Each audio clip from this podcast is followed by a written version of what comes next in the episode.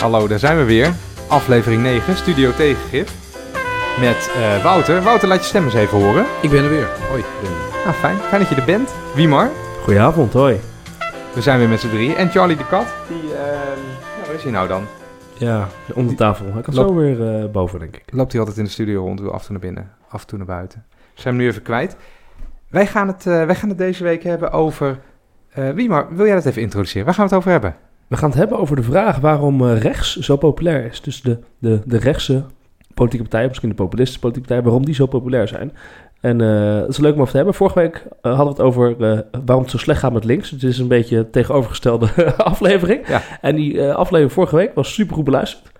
Ja, sterker nog, dat was het beste, eh, de beste week die we ooit hebben gehad. Ja, dus dank daarvoor. Dank voor het luisteren. En ook dank voor alle, alle reacties en alle vragen die we krijgen. Eh, hartstikke leuk. We doen het toch niet helemaal voor niks. Nee, dat is goed om te horen. Dat is goed te horen. Hey, ik wil het eerst even hebben over, eh, voordat we, ehm, en dat gaat ook over... We hebben eh, nog wat waanzin. Precies, waanzin. Daar gaat deze podcast toch in de eerste plaats over. Eh, wat deze week gebeurde, Thierry Baudet daagde Gerrit Hiemstra uit tot een, debat, tot een debat over klimaatverandering. Want wat gebeurde er nou? Thierry Baudet had iets ge, eh, getwitterd over klimaatverandering. Nou, zoals we precies van hem gewend zijn, eh, louter onzin eigenlijk. Gerrit Hiemstra had, daar, had daarover gezegd. Weet jij, weet jij het nog? Wat zei hij nou precies? Ik heb het opgezocht. Had ik natuurlijk erbij moeten pakken. Oh ja, Thierry, Gerrit Hiemstra zei... Een tweet met vier keer onzin, wie kan hier overheen? En toen brak er een soort, eh, een soort Twitter-fitty uit. Die, die- Twitty. een twitty. Die eindigde in een, eh, eh, in een uitdaging tot een debat. Ja, prima idee toch, eh, Wouter, zo'n debat? Nee, ik vind het... Ik me hier echt groen en geel zitten ergeren. Ik zag het, en ja. ik- ja, dit is een beetje alsof... Ja, de- ik heb allerlei vergelijkingen verzonnen, maar ik vond het mooiste dat het een beetje is zoals... eh, dat Real Madrid uitgedaagd wordt door BV Veendam... dat weer een keertje wil gaan voetballen om langs te komen op de lange leegte. Dat slaat ook nergens op, Thierry. Het is als een kaasboer die een sterrenkundige uitdaagt... om in debat te gaan over hemellichamen. Dat heeft geen zin. Overigens, eh, het D66-Kamerlid Kees Verhoeven, die had erop gereageerd hè, met een eh, eigen Twitterberichtje. Wat ik een redelijk eh, lachen, of misschien een redelijk briljant berichtje vond. Namelijk, zei hij? hij zei, eh, een, een tweet richting Thierry Baudet. Samen met alle andere politieke partijen nodig ik je uit voor een debat in de Tweede Kamer. Een zaalhuur is niet nodig. Debatvoorzitter is mevrouw Kadisha Ariep. En er is gelijke spreektijd voor alle deelnemers. vond ik ook wel mooi. Wat, eh, wat heerlijk. Maar ik snap het wel vanuit, eh, vanuit Baudet hoor. Want, het, want het op het podium krijgen van serieuze mensen en tegenover charlatans die allerlei onzin beweren over klimaatverandering. Dat is precies de manier waarop je, waarop je de twijfel zaait die je wil, die je wil zaaien. Dus het is wel, eh, ja, hij is toch wel een, een, gladde aal, die, eh, eh, die Mr. Baudet. Ja, het, wat ik nog, wat ik waar ik me echt aan heb geërgerd en wat, wat een beetje tegengas verdient, is dat er, dat er op rechts is altijd een soort hobby om te klagen over de linkse media. De, de media is allemaal links. Ja, dat is natuurlijk gelul. Dat, Ja. komt, dat komt voornamelijk doordat mensen die wa- wat langer nadenken over dingen gewoon vaak genuanceerd zijn. En nuance vindt men vaak links. Maar wat gebeurde er na deze Twitter-discussie tussen Hiemstra en Baudet? Ehm, de Telegraaf kopte, Gerrit Hiemstra weigert debat met Thierry Baudet. Dat was het nieuws. En, en ik vind, ja, dan, dan kan je dus de grootste krant van Nederland kiest eigenlijk direct de partij en zegt dat er een soort neutrale discussie mogelijk was geweest tussen twee mensen met een verschillende mening. Ehm, en eh, ja, één partij eh, is die discussie uit de weg gegaan. Ja, maar kijk, dit is... Ja, de Telegraaf breekt me de bek ook niet open. Maar dit is natuurlijk precies eh, wat hier aan de hand is. Dat een open discussie eh, is zinloos... eh, wanneer het gaat tussen, tussen een partij die zich laat leiden door, eh, door wetenschappelijke consensus... en een partij die geconfronteerd met wetenschappelijke consensus... totaal nog niet, nog niet half overtuigd is... zegt het is allemaal onzin. Ja, maar een thori- thoriumreactors dan? Waarom eh, hè? gaat dat ons niet allemaal redden? Of ja, maar het klimaat, ja, het, wa het waren altijd al op.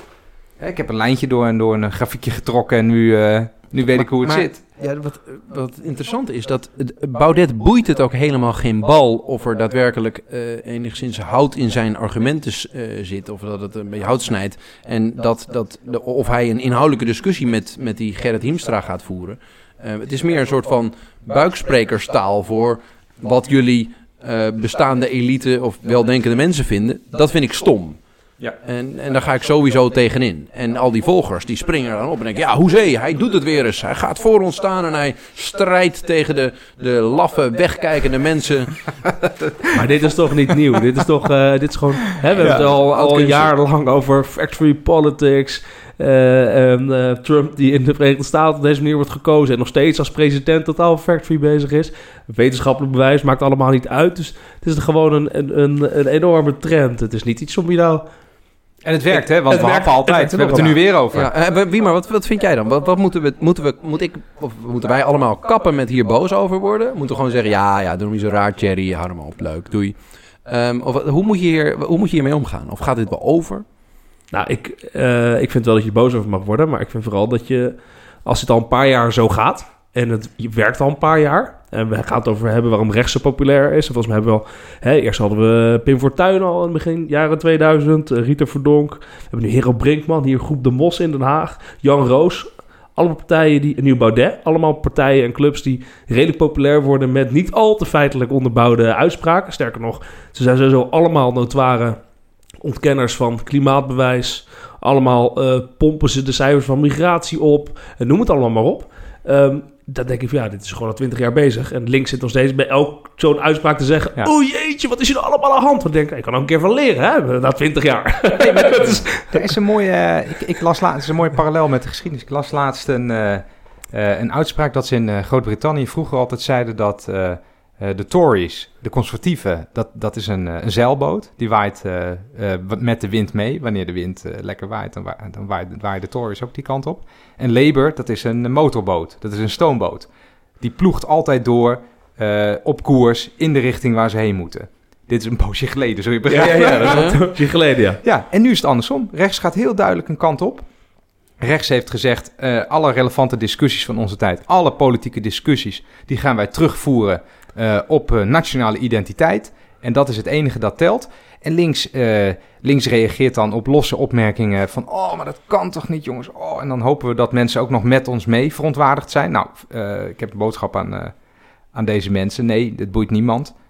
Misschien maar even een bruggetje naar de uitspraak van Trump. Nog meer? Ja, je hebt nog een mooie, mooie idiotie in, het, in de media deze week. Dat gaat over, over Trump en dat lijkt hier eigenlijk wel een beetje op. Trump eh, was in het nieuws dat hij op het Witte Huis had gezegd eh, over migratie. Er moest minder migratie komen uit landen, uit shithole countries zoals eh, Haiti en Afrika. Dat is en- tenminste duidelijk. ja, ja, het is gewoon, laat, niks aan duidelijkheid te wensen over. En wat gebeurt er dus? Iedereen hapt.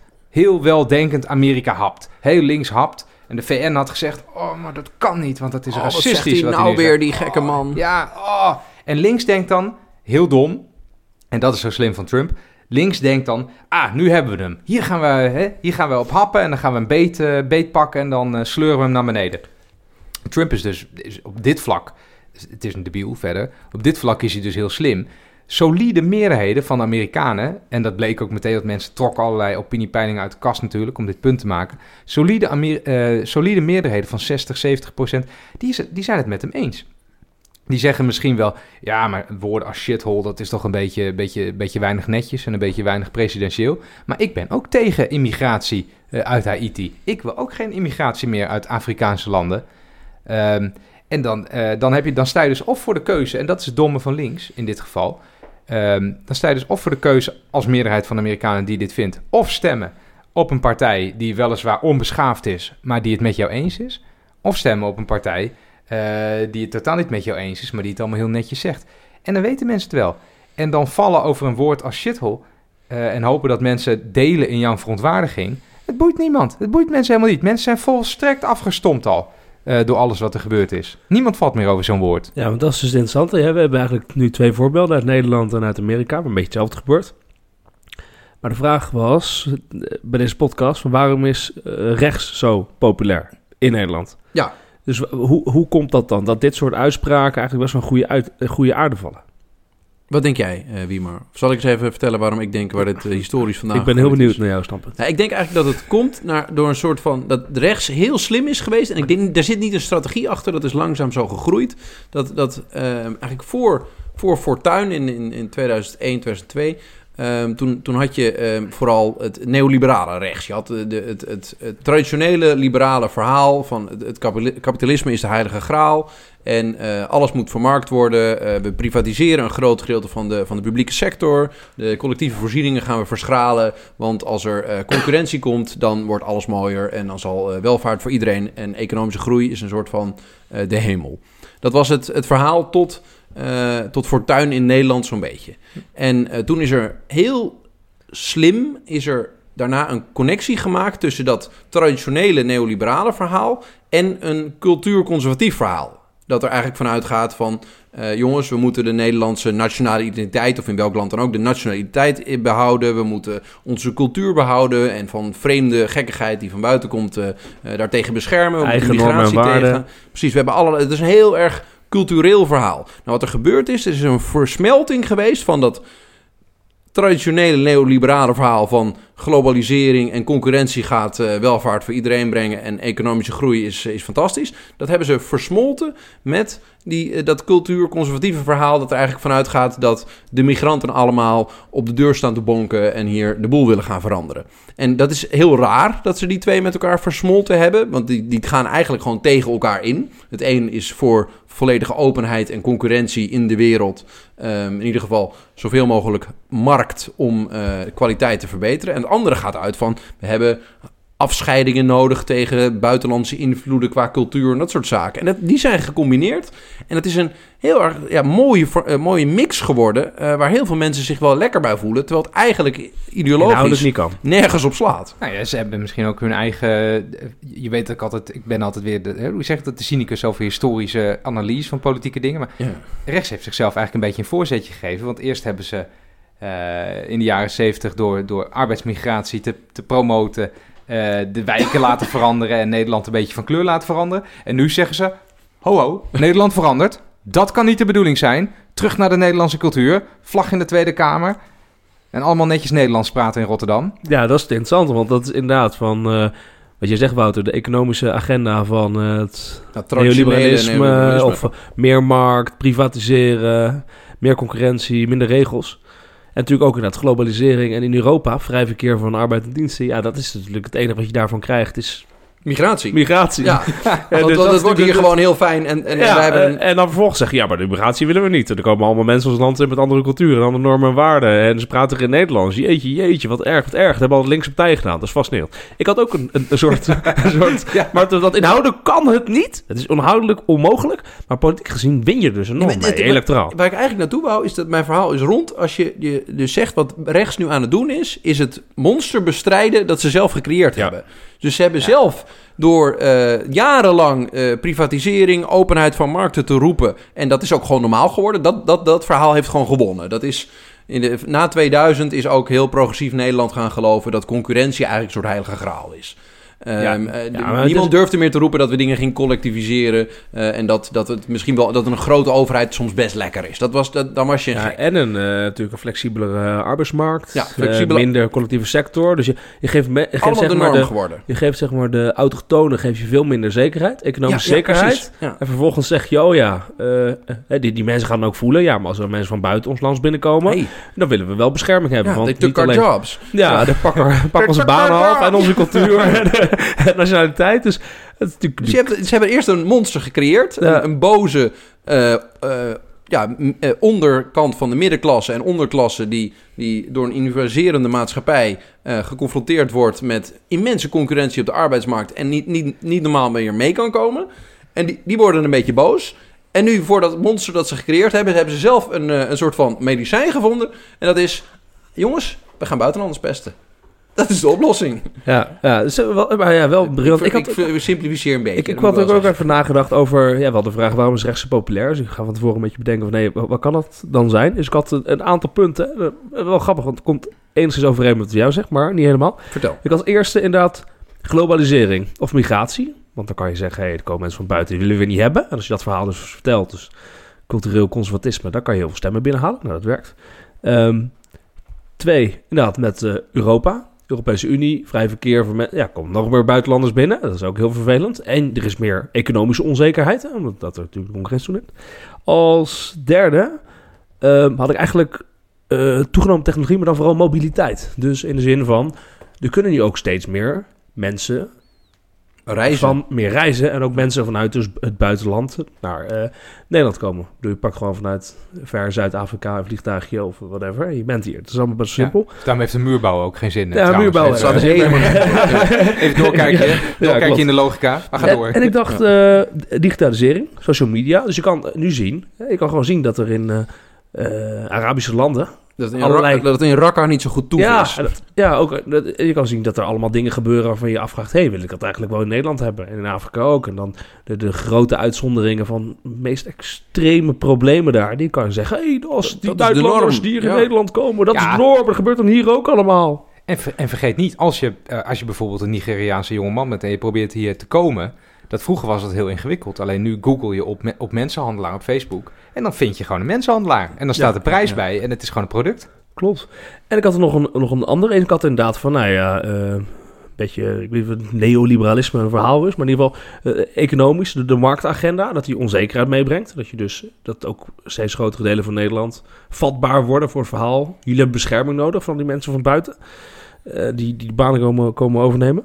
En als laatste dacht ik aan, aan de medialogica die wel veranderd is. Je ziet dat Vertel. nou ja, dat, dat, ehm, dat een beetje een verandering is. Dat vroeger je als media zoiets had van... oké, we, we zijn toch wel verzekerd van inkomsten. En we gaan nieuws vertellen waarvan we vinden dat mensen het echt moeten weten. Dus je bracht gewoon nieuws. Ehm, en nu is het van ja, oké, we kunnen zien... misschien ook door de digitalisering... wat voor berichten scoren. Eh, daar zijn ook je inkomsten van afhankelijk... want je kan reclameinkomsten en dergelijke krijgen. Dus je gaat berichten maken die mensen willen lezen. En dan kom je in een ander model terecht, namelijk... je moet, je moet vooral conflict laten zien in al je berichtgeving. Ja, want dat gaat enorm alles wordt een wedstrijdje. Alles wordt een wedstrijdje. En dat is natuurlijk het interessante aan die beetje rechtsconservatieve agenda. Alles is een wedstrijd worden. Thierry Baudet tegen uh, Gerrit Hiemstra. Trump tegen, uh, tegen de VN of tegen wie dan ook. Uh, in Nederland zie je het ook. Uh, gewoon... Ja, de Rutte, het rolt maar op uitspraak of pleur maar op uitspraak is ook gewoon een wij tegen zij. Uh, alle, alle conflicten die scoren. Ja, en zelfs als het nergens op slaat, wordt het zo gepresenteerd. Want kijk ja. naar hoe Nederlandse verkiezingen worden, worden verslagen. Dat het in Amerika gaat van het is die tegen die, dat is logisch bij de presidentsverkiezingen, want dat is letterlijk zo. Ja. Maar ook in Nederland worden er altijd twee uitgekozen en het is of die wordt premier of die wordt premier. En het is altijd een bullshit, uh, bullshit horse race. Want die horse race die bestaat, die bestaat helemaal dus, niet in Nederland. Dus wat jullie zeggen is dus de... Nou, ik vind dat luiheid van ons journalistieke bestel... Want dat is gewoon alleen maar gericht op gewoon zo gek mogelijke dingen melden, uh, zodat mensen erop klikken. Of anders zo makkelijk mogelijke berichtjes melden, zodat mensen erop klikken. Zodat we niet zoveel tijd hoeven te besteden aan uitzoeken hoe dingen echt in elkaar steken. Dat speelt heel erg de mensen in de hand die ook helemaal geen zin hebben om complexe dingen uit te leggen, uh, maar gewoon lekker een wedstrijdje willen spelen. Dat, helpt, dat helpt natuurlijk populistisch rechts, die leeft van ja. conflict, maar ook van simplificaties. Over, over bruine mensen in dit, in dit geval. Maar uh, even, je zegt hè, de luiheid van journalistiek Nederland. Mm -hmm. uh, kijk, het is natuurlijk niet zo dat ze ooit bij elkaar, bij, bij, elkaar zijn gaan zitten en zeggen van nou, we gaan vanaf nu nog maar uh, 50% van de effort leveren. Dat is, echt, uh, dat is echt ook hoe het is gegroeid, want het is commerciëler geworden. Uh, er is geen journal... Of nou ja, ik overdrijf natuurlijk, hè, maar er zijn maar weinig journalisten met een vast contract. De flexibilisering van de arbeidsmarkt is echt nergens zoveel, uh, zo ver doorgeschoten in de journalistiek. Mm -hmm. ik heb ooit eh, drie maanden bij, of drie, vier maanden bij BNR Nieuwsradio gezeten. Dus echt iedere week eh, was wel, of iedere week overdrijf een beetje, iedere maand was er wel weer een, opeens een contract van iemand afgelopen. Of gewoon nul uren contract en freelance die er opeens niet meer waren. Dus je wordt gedreven richting clickbait bouwen. Ja, dat is een beetje ja. wat jij net zei, van uh, de Telegraaf. Er wordt gezegd, ja, oké, okay, het is Gerrit Hiemstra weigert debat met Thierry Baudet. Dat is natuurlijk een hele rare kop, maar ja, mensen willen het best lezen. Jij, jij ook. Jij hebt er ook op geklikt, Wouter. ja. Nee, ik, ik, ik, ik, lees dat dan op Twitter en ik heb een soort van de, een permanente strijd. Want ik heb, ik heb natuurlijk gewoon mijn, mijn progressieve bubbel, dat mijn linkse, uh, mijn, mijn Twitter-timeline is. Dat hebben jullie ook allebei. Um, en ik, ik, daar, daar sluipen altijd allemaal telegraafberichten in op een of andere magische manier. En dan moet je dus elke keer weer staan om niet dat ding te, daarop te gaan klikken. Dat doe je ook, dat is wel knap, ja. want het is wel interessant. J dat, jij klikt er wel? Uh, ja, af en toe wel. Kijk, ik vind het wel, kijk, het is wel begrijpelijk van die, die, die rechtsconservatisme.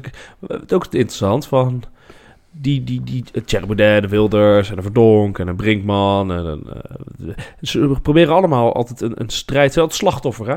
Ja. Dus ze zijn altijd zijn slachtoffer van die linkse media die ze zo verschrikkelijk eh, in de Ja. weg zit. De grootste kant Van die krant is hartstikke progressieve- rechts, maar linkse media. De Ja. progressieve elite die ze, die ze in de weg zit. De, de multiculti samenleving. De, de, de linkse partijen. De, dat is interessant. Dat is altijd een strijd. Hè? En ja, als je een strijd kan laten zien, dan ben je interessant voor media. Nee, maar dit, dit, wat je nu zegt over dat slachtofferschap, dat Ja. vind ik het meest fascinerende.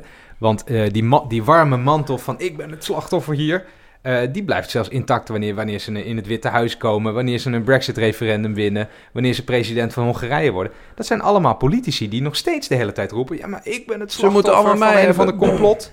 Of die ene, die ene hoe heet die, hoe heet die eh, eh, Soros, die wordt dan, hè, dat is natuurlijk gewoon antisemitisme. Ja. Dan wordt daar de, de Hongaarse regering plaatst dus in bushokjes in Hongarije eh, gewoon eh eh abris posters met een foto van Soros en er staat dan bij van wie dit land echt regeert of zo, dat soort, dat soort teksten. Het is keihard, want dat is een Hongaar, Soros. Het is, een, een- het is keihard antisemitisme en nog steeds de hele tijd van ik ben het slachtoffer. Die man is al tien jaar president of premier van Ja. Hongarije of zo. Maar dat is dus interessant, want het, is, het gaat allemaal over factory politics, over symbolische strijd voeren. Over ook de vraag van ja, het is, dit nou een beetje vol politiek? Of gaat het ook nog over de daden die daadwerkelijk worden gemaakt? Eigenlijk niet, toch? Nou, langzaamaan zie je dus dat, dat, eh, dat, dat rechtspopulisme, wat, wat voornamelijk ging over jezelf in een slachtofferrol plaatsen en buiten het spectrum roepen dat de, het bestaande systeem eh, alleen maar links is en, eh, en wegkijkt van de echte problemen, namelijk migratie.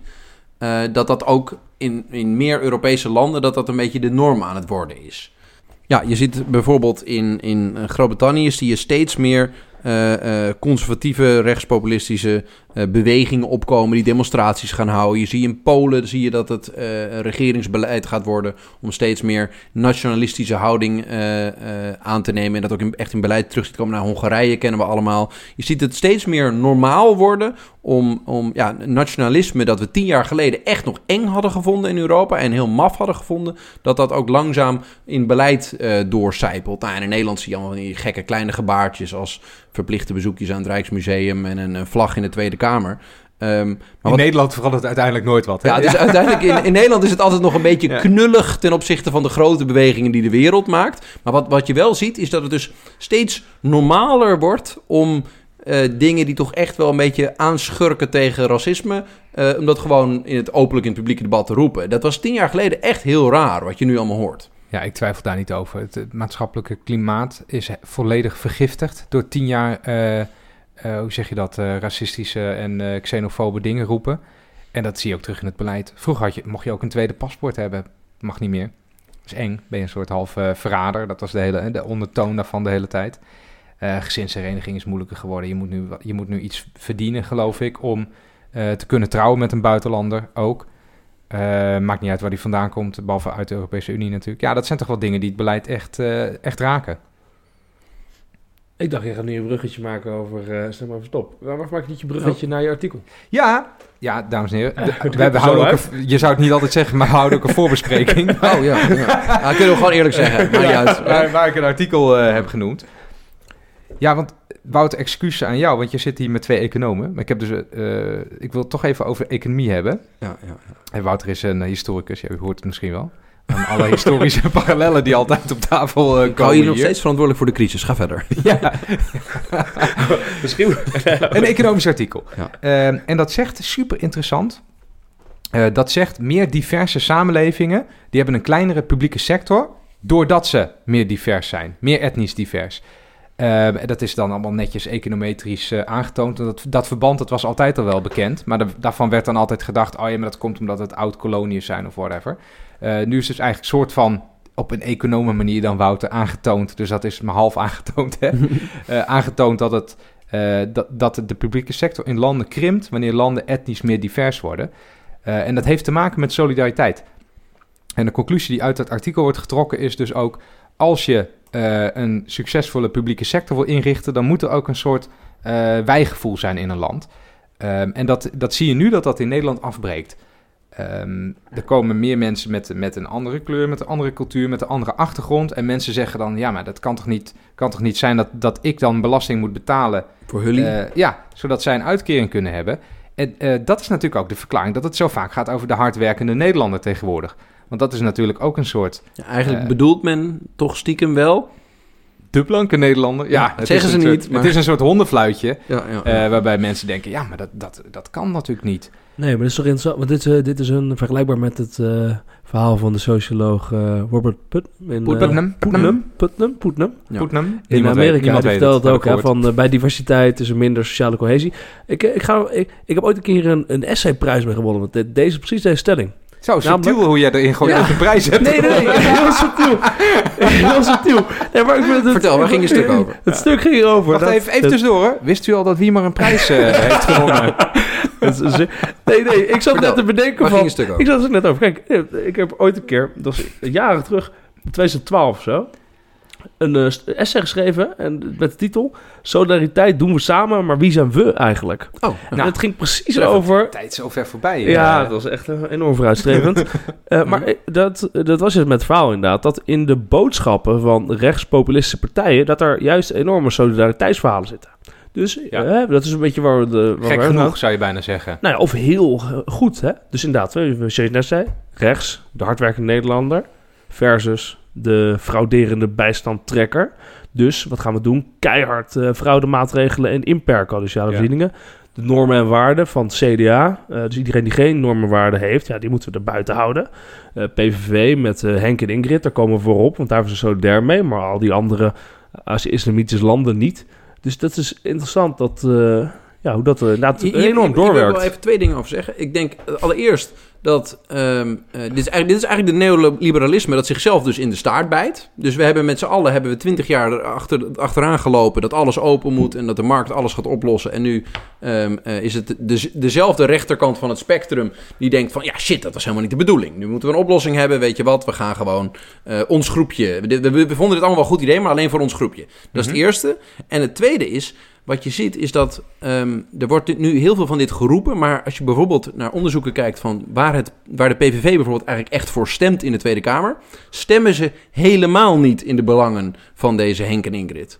Daar stemmen ze nog steeds gewoon voor de eh, klassieke eh, eh, openmarkten, eh, belangen. En de sociale zekerheid wordt helemaal niet zo sterk geholpen. Ja, het is, maar dus het is, het is soms- een leugenachtige, het het is een hypocriet. Nou, wat ik de af- daden doen, dus de daden de doen het daden, dus niet van- echt dus doen. de daden doen. En dat, dat, Dat is nu ook. Vanuit Thierry Baudet is nooit in de Kamer. Hij komt in het debat, hij stemt niet mee, hij doet geen moties, doet geen amendementen. Dus het gaat niet om daden, het gaat om het verhaal. Ja, Waar waar, mensen- waar, mensen het een bruggetje naar was, is dat het wel... Het, het is vaak dus alleen maar opportunistisch gelul. Ehm, het- Wat zeg je dat subtiel? Ja, nou ja, dat, ik, nou ik, denk dat, ik denk dat je... Sommige dingen moet je gewoon bij de kern noemen. En, ehm, Ja, wij, zouden ook, wij zouden goede populisten ook zijn, even tussendoor. Wij nou ja, ik, ik denk kunnen. heel vaak dat wat je dus krijgt is dat ehm, eh, progressieve politiek heeft heel lang ehm, gesleuteld aan een maatschappij waar ze langzaam de boel een klein beetje beter maakten met een sociaal bestel en dat soort dingen. En bij hele grote besluiten is niet de kritische vraag gesteld van is dit echt wel een goed idee? Ehm, denk aan de euro die in, in 2001 kwam, eh, een, een, een steeds meer ja, een soort van een, een Europese Unie waar mensen geen grip meer op hadden, maar waar toch heel veel beleid vandaan kwam. Eh, ik hoef niet te zeggen dat ik ben er niet tegen of iets dergelijks, maar het is niet een maatschappelijk debat geweest, want het is allemaal te ingewikkeld geworden. En wat er gebeurt is dat veel mensen hebben het gevoel dat ze daar gewoon geen grip meer op hebben.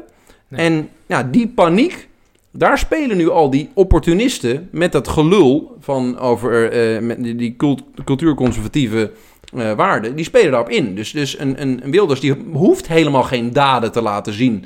eh, dat hij daadwerkelijk stemt voor dingen die Henk en Ingrid helpen. Een Baudet hoeft helemaal niet in de Kamer daadwerkelijk eh, beslissingen te nemen of mee te stemmen en te werken aan wetten die bijdragen aan hetgeen hij steunt. Hij is, een hij is permanent campagne aan het voeren.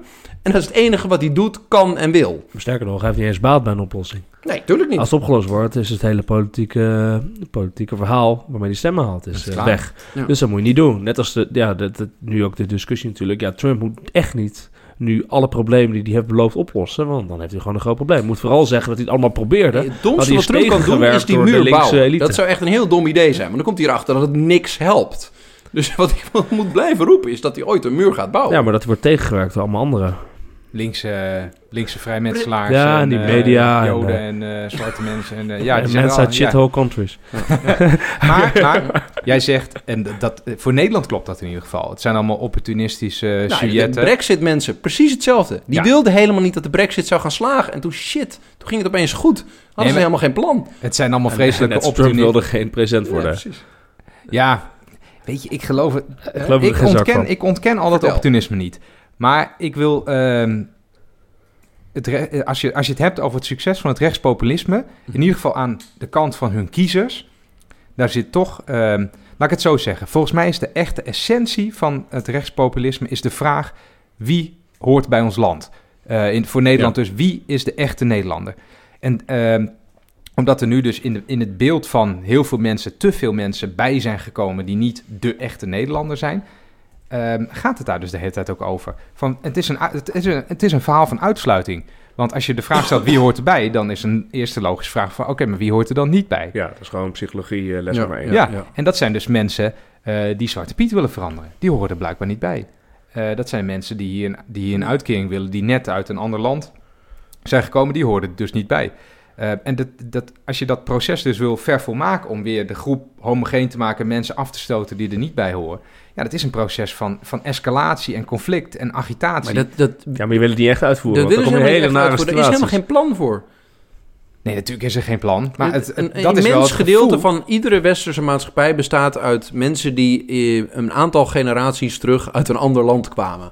Ja, Dat, is de essentie geweest van, van jaren en Dat- jaren. dat geldt voor iedere plek op de wereld behalve Japan eh, waarschijnlijk. Ja, precies. Dus het, het, dit- wat, wat er gebeurt is wat, je, eh, wat, wat een, een, een populistische partij vaak doet. Die schetsen een soort van homogeen volk dat strijdt tegen een elite. En die elite definiëren ze nooit goed. En de homogene volk definiëren ze ook nooit goed. Maar ze kunnen er eeuwig tegenaan blijven strijden. Dat is het enige Ja. doel. Ik begreep van jou, Wouter, dat er eh, een eh, eh, Marijn Oudenams hier een proefschrift over geschreven heeft. Ja, klopt. Ja, nee, ik heb dit weekend een aantal artikelen gelezen. Dat is een onwijs verstandige eh jongeman. Die is in, in Tilburg. Zo, heeft hij jonge een, man. eh, Zo, opa. Ja.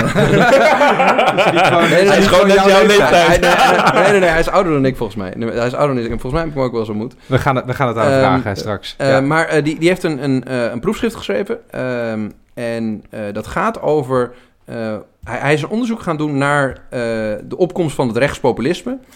Ehm, en hij vraagt zich af wat nou de verbinding tussen rechtspopulisme en het traditionele eh neoconservatisme is geweest. Ehm, en daar heeft hij een heel verhaal geschreven. Er staan ook prachtige artikelen over in, dit weekend in de krant. En ehm, wat, hij, wat, wat, wat ik interessant vond aan zijn, aan zijn theorie, en dat, ik, ik weet niet helemaal, hij zal het vast eh, beter uitgezocht hebben, dus, dus misschien wel eh, snijdt vast enig hout. Ehm, hij stelt dat de, de, de revolte die we nu meemaken vanuit rechts, dus het rechtspopulistische revolte met een soort conservatief verhaal van we moeten terug naar de Nederlandse waarden en deze cultuur, dat ziet hij als een soort uitgestelde reactie vanuit, op de progressieve revolte van de jaren 60 en 70. Ah. Dat, vond ik, dat was een, een, een analyse die ik nog nooit eerder eh, echt zo had gehoord. Heeft Dat, hij ook een bewijs daarvoor? ja, hij, heeft allerlei, ja, hij, hij noemt allerlei voorbeelden. Er is een prachtig artikel in de Groen Amsterdammer daarover. Ehm, en eh, wat, wat hij schetst is dat in Groot-Brittannië en de Verenigde Staten... dat was er direct vanuit het systeem een reactie op de progressieve idealen van de jaren 60 en 70. Dus je had eh, eh, Reagan, je had Nixon, je had later Thatcher... waar echt het systeem en de elite zich keerden tegen de vakbonden... de, de mensenrechtenbewegingen, de gelijkheidsgedachte... Ehm, en dat was echt een systeemreactie. Want is het verhaal dan dat het, dat, het, dat het blijkbaar in de jaren 60, 70 zo succesvol was aan de progressieve kant? Bij ons, hè? Dat, is dus bij, in, in, in Nederland en, en op het, vooral eh, continentaal Europa is de progressieve gedachte zo de norm geworden. Tot en met ja, eigenlijk Fortuin, dat, die dan, dat dan een breekpunt zou kunnen zijn. Ehm, waarbij daarna langzaam een opbouw is geweest die nu tot, tot, tot, eh, ja, tot knal komt eigenlijk. Een soort neoconservatisme dat, dat na Fortuin normaal is geworden. Dus dat wij pas na 2000 een echte reactie aan het opbouwen zijn op de progressieve wave die sinds de jaren 70 is opgekomen. Ja, ik snap Dat vond ik echt een eh, hele interessante Ik gedachte. snap natuurlijk ergens in de zin dat... eh, ik heb het niet gelezen door het proefschrift, maar ik snap ergens in de zin van... eh, in de jaren 90 was nog het verhaal van eh, Nederland, eh, gidsland, vrijheden... ehm, huwelijk, Heel liberaal. eh, ja, heel liberaal. Je mag eh, koffie, ja, eh, koffie, Drugswetgeving. Koffie? coffeeshops. Sorry, coffeeshop, abortus, eh homohuwelijk. eh, dat was natuurlijk allemaal hier, kon allemaal. Je kon je alles doen wat je wilde. Eh, dus misschien dat daar... ja, ik kan me wel voorstellen dat in de jaren wat hij ook- 2000... Wat, ik heel interessant vond, wat die oude Namsen doet, is dat hij niet alleen gaat kijken naar dit zijn eh, rechtspopulistische gekkies die rare dingen schreeuwen, maar hij is naar zoeken van wat zit hier nou voor ideeënvorming achter? Wat is, en hij leidt dat terug een beetje tot, tot eh, ja, Bolken en, eh, die in, in de jaren negentig ehm, als eerste een brug weet te slaan tussen het, het, het neoconservatisme en het, ja, het laat, Mhm. wat later rechtspopulistisch nationalisme is geworden. Eh, de- Ja, oké. Maar Nederland is natuurlijk ook een soort echo-vat van wat er allemaal in Amerika en Groot-Brittannië eh, gebeurt.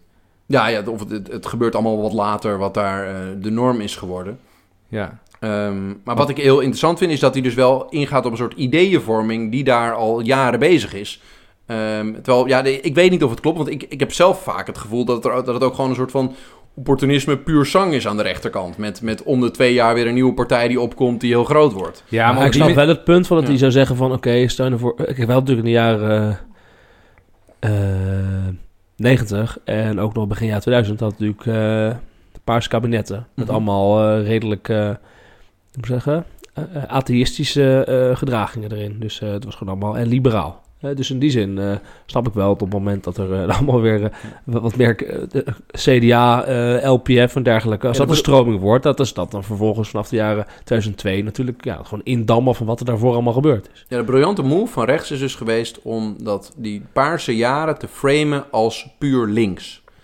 Eh, terwijl aan de linkerkant van het spectrum werd dat ook wel gezien als dat de privatisering van heel veel zaken in de publieke sector toen gaande zijn geweest. Maar daarna is het echt geworden, het verhaal is, zij hebben de Nederlandse cultuur zitten Ja, aantasten. dus, dus, dat soort zaken. dus zeg maar eh, sociaal-cultureel Ja, was dat links of sociaal-cultureel progressief, hoe je het wil noemen. En, en toen is eigenlijk dus de, de, het, het huwelijk geboren van de, de traditionele neoliberalen.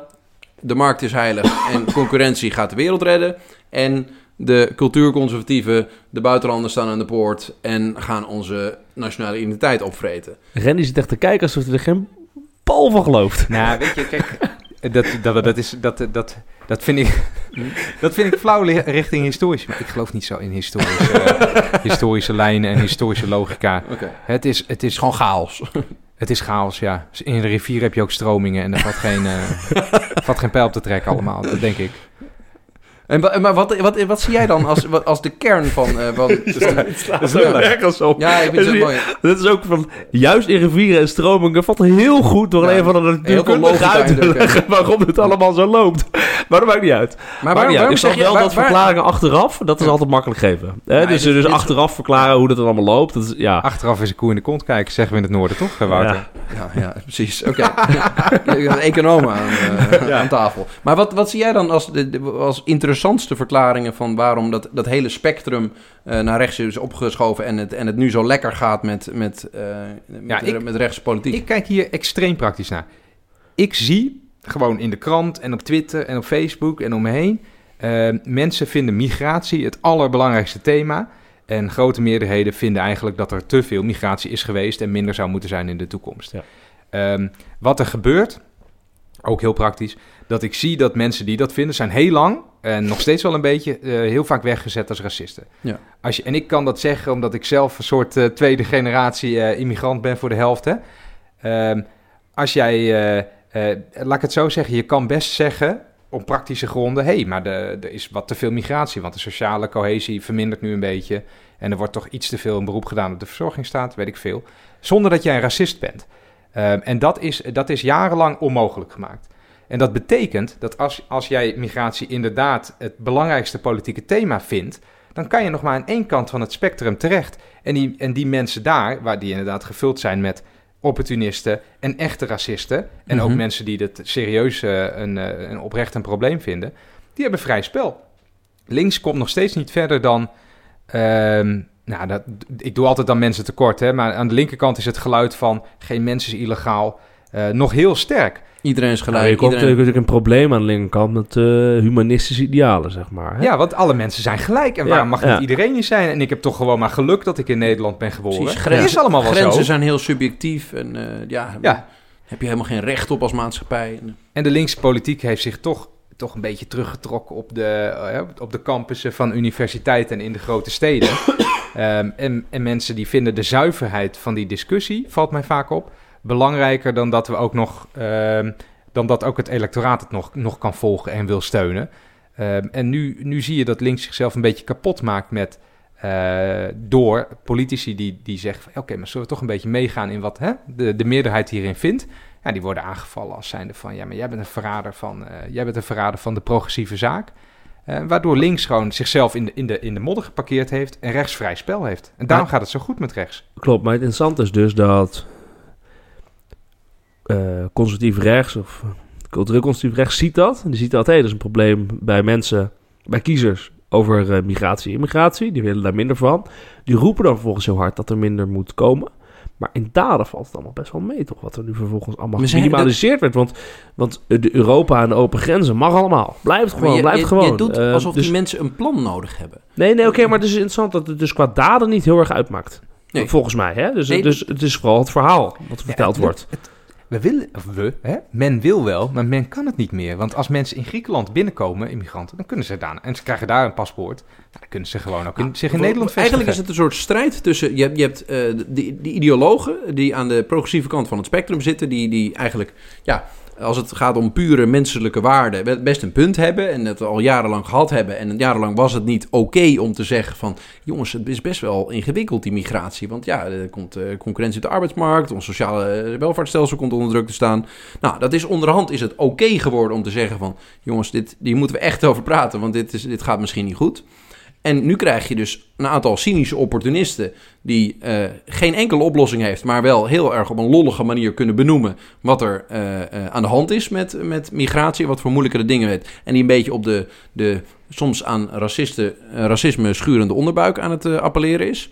En, maar wat er uiteindelijk moet gebeuren, is dat er een, een realistisch, pragmatisch tegenverhaal komt van mensen die een plan hebben van hoe ze gaan organiseren dat je eh, migratiestromen enigszins in goede banen leidt. Maar dat is heel moeilijk. Maar dat is dus ook gewoon eh, identiteitspolitiek, hè, wat er gevoerd wordt dan aan de, aan de rechterkant. Heel duidelijk, het cultureel conservatisme is gewoon identiteitspolitiek. Ja, Ja, maar- heel hard. En en links, bedoel, de, en dan heb je partijen als de SP en de PvdA en GroenLinks en D66 die het allemaal weigeren te doen op basis van humanistische eh, overtuigingen, mensen zeg zijn maar. gelijk. Mensen zijn gelijk, gelijkheid is er heel belangrijk. Eh, en die partijen die verliezen nu keihard. Of tenminste, ze zijn die lang niet meer zo groot als, als eerder. D66 misschien nu en GroenLinks enorm meegevaren op een, een, grote krimp van de PvdA. Maar de vraag is wat, je, wat ze zeg maar structureel eh, met deze boodschap kunnen, kunnen, kunnen winnen. Ja, en er is, één, er is één route voorwaarts, denk ik, voor deze kant van de politiek die jij nu schetst. Dat Lekker, die- beetje positief. ja, toch even met een Ja. positieve noot eindigen, want we, we zitten nu op minuut 42. Dus laten we Oh, nog drie ja, minuten lekker Ja. positief gaan doen met Oké, z'n allen. lekker, ja. Ik denk, wa- waar rechts dan vervolgens weer de fout in gaat, is door identiteitspolitiek te bedrijven op eh, een deel van de samenleving. Misschien een meerderheid weliswaar, maar ze sluiten toch ehm, groepen mensen uit die hier voor altijd gaan blijven en die hier nu ook thuis horen en die nooit meer weggaan. De Ja. route is om te zeggen, nou, Nederlanders, we zijn met z'n allen Nederlanders en we gaan na- meer nadruk leggen op dat wij als land samen een clubje zijn en dat wij dingen samen regelen. Ehm, en dat, eh, dat is dus een verhaal wat antiracistisch is en dat is een verhaal wat verbindend is. Ehm, en dat is typisch een progressief verhaal. Maar dan moeten we Ja, dus over de aversie heen zetten dat het over de nazistaat gaat. Toch gaat het dan een keer over de nazistaat. Ja, maar dat is het interessante. Hè? Dus, dus, dus dan zou je zeggen van oké, ehm, vanaf nu zeggen we in Nederland, iedereen die hier is, is Nederlander en iedereen is gelijk. Ehm, alleen eh, heel veel mensen van, eh, nog van buiten kunnen we als Nederland er niet bij hebben. Dan krijg je eigenlijk een beetje het vol is vol eh, verhaal. Dat is toch wel, wel heftig. Eh, Of niet? Dat is wel lastig, ja. Dat is wel lastig, maar dan ga je er wel krijgen. Gewoon op een pragmatisch argument of praktisch argument van... hé, hey, blijkbaar neemt sociale co- cohesie in Nederland sterk af... op het moment dat je hier meer mensen binnenkrijgt. Ja, maar laten we ook wel wezen, in het verleden is ook echt, eh, en dat is, dat is overduidelijk de schuld van, van neoliberaal rechts in dit geval, is echt heel weinig geïnvesteerd in een fatsoenlijke integratie. Net als het feit nu dat je je eigen talencursus moet betalen en dat dat dan door een of ander dubieus eh, privaat bureautje wordt geregeld. Regel dat nou een keer goed. Als we dat nou goed regelen, dan kun je best een bepaalde mate van immigratie hebben. Ja, maar dat is dus interessant. Daar dus rechts heeft helemaal... Dus Het is, waarom zou je dat probleem oplossen als je ja. er vervolgens weer tegen Ja. kan gaan strijden? Je zorgt gewoon dat die integratie niet goed gaat. Vervolgens kan je weer een cultuurconservatief verhaal gaan houden over dat die, die, die lui allemaal niet willen integreren. Ja, Dit is- ik ben het helemaal met je eens. Het is natuurlijk gewoon een verhaal van eigen gewoon je eigen verantwoordelijkheid, klein, ook mag niet slaan, hè? Ja. Eigen, eh, eigen verantwoordelijkheid, eh, kleine publieke sector, eh, privatiseren. en vervolgens weet je gewoon dat de mensen die er zijn niet integreren, dat ze de Nederlandse taal niet kunnen, dat ze niet aan de slag kunnen. En vervolgens zeg je, jeetje, wat een enorme voedingsbodem, bodem, en we gaan hier weer flink tegen ageren en de migratie moet minder. Ik heb, ik heb eigenlijk ook wel hoop hoor. Mag ik nog even misschien? eh, Mag ik Ja, nog? een hoop, Ja? hoop Ja, geven we ik- ik denk aan het dat- einde. dat- Daar is altijd dat- ruimte voor. langzaam, ik denk dat die, die, die eh, cynische opportunisten die gewoon een beetje willen appelleren aan het, eh, aan het racistische onderbuikgevoel van sommige mensen, dat is allemaal een heel kortstondig verhaal. Dat, dat, mensen komen er op een gegeven moment achter dat die mensen helemaal geen plan hebben. En ik denk dat op een gegeven moment progressief Nederland ook een beetje in het reinen moet komen met het, het pragmatische aan je, je ideaalbeeld voor de wereld. Eh, en dat ook daar op migratie een realistisch verhaal eh, verzonnen zal worden. En dus dat ja, de, de, de gekkies aan de rechterkant misschien best een goede invloed zullen hebben op de weldenkende mensen. En die zorgen dat er een pragmatisch verhaal op migratie komt. Waardoor al dat, eh, dat, dat maffe gelul over identiteit nog steeds nou, uiteindelijk misschien wel een goede invloed heeft gehad.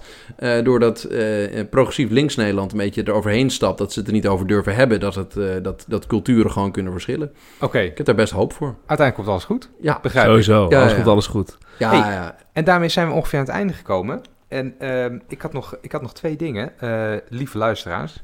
Eh, misschien is het leuk als jullie een positieve review nalaten. Oh ja, dat Eh, helpt ons ontzettend. Ja. Ja. en we hebben een aantal mooie gekregen al. En Ja. dat, eh, dat smaakt naar meer. Dus eh, als je er niet blij mee bent, vooral niet reviewen. Ja, en als je wel bij, blij- bij me bent, dan kan je vijf sterren geven. Dat is, een, Ja. is erg aan te raden.